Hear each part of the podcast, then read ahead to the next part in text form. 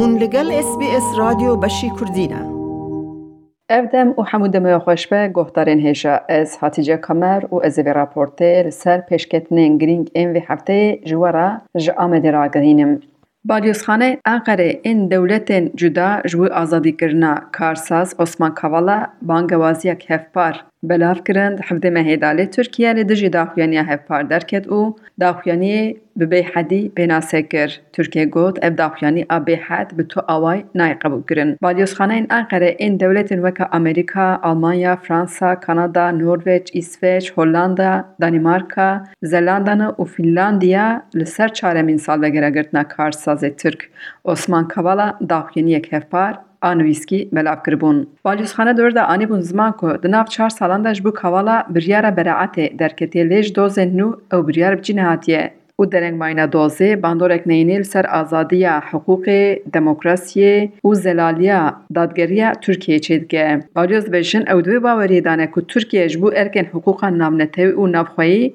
دوی دوزه کوالا لگوری پیوانین عادل بلین سوبس انجام بکه. او بانگل توش که دکن کو بریار دادگاه اورپای بجبینه او اسمن کوالا برده. وزارت کار در و ترکیه سر دخویانی هفپار بانگ ده بالیو زنکر او همیان جیه شیار کرد. پشت شیار یجی وزارت دخویانی یک نویسکی براف کرد او گوت به دخویانیه تیخوستن کو زخ پل دادگریه ترکیه چیکن.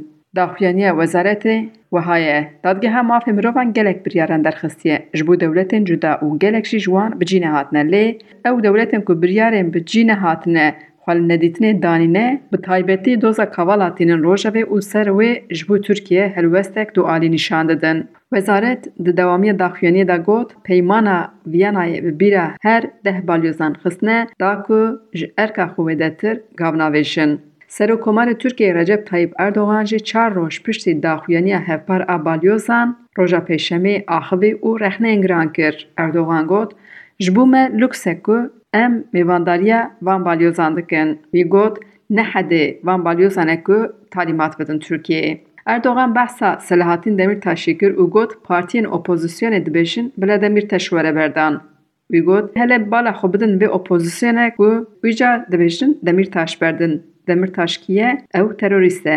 Hêja vêrxistiniye ku Dadgeha Mafê Mirovan ji bo Selahattin Demirtaş û Osman Kavala du caran biryar derxist ku mafê wan hatiye bin pêkirin û ji Tirkiyeyê xwest ku her du nav jî bi lez û bez werin berdan.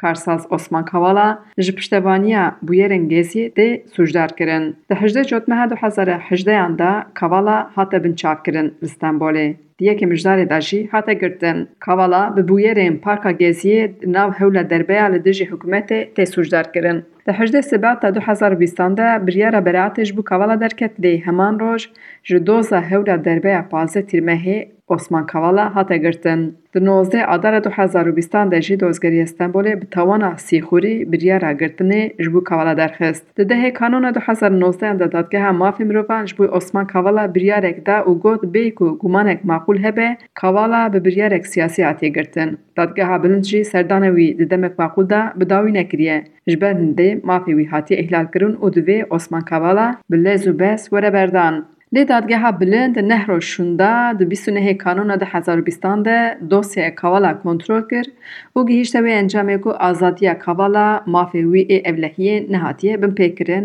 û ew nehat berdan. Doza Osman Kavala û ya Parka Geziyê bû yek. عثمان کاولا دوێ دۆزێدا ji تاوانباریە لە دژی ڕوخاندنە حکوومەتی هاتە تەحلیەکردن لێژ بەرکوتێ ئیداکردن ئەو سیخورە کاوالا نایبەردان.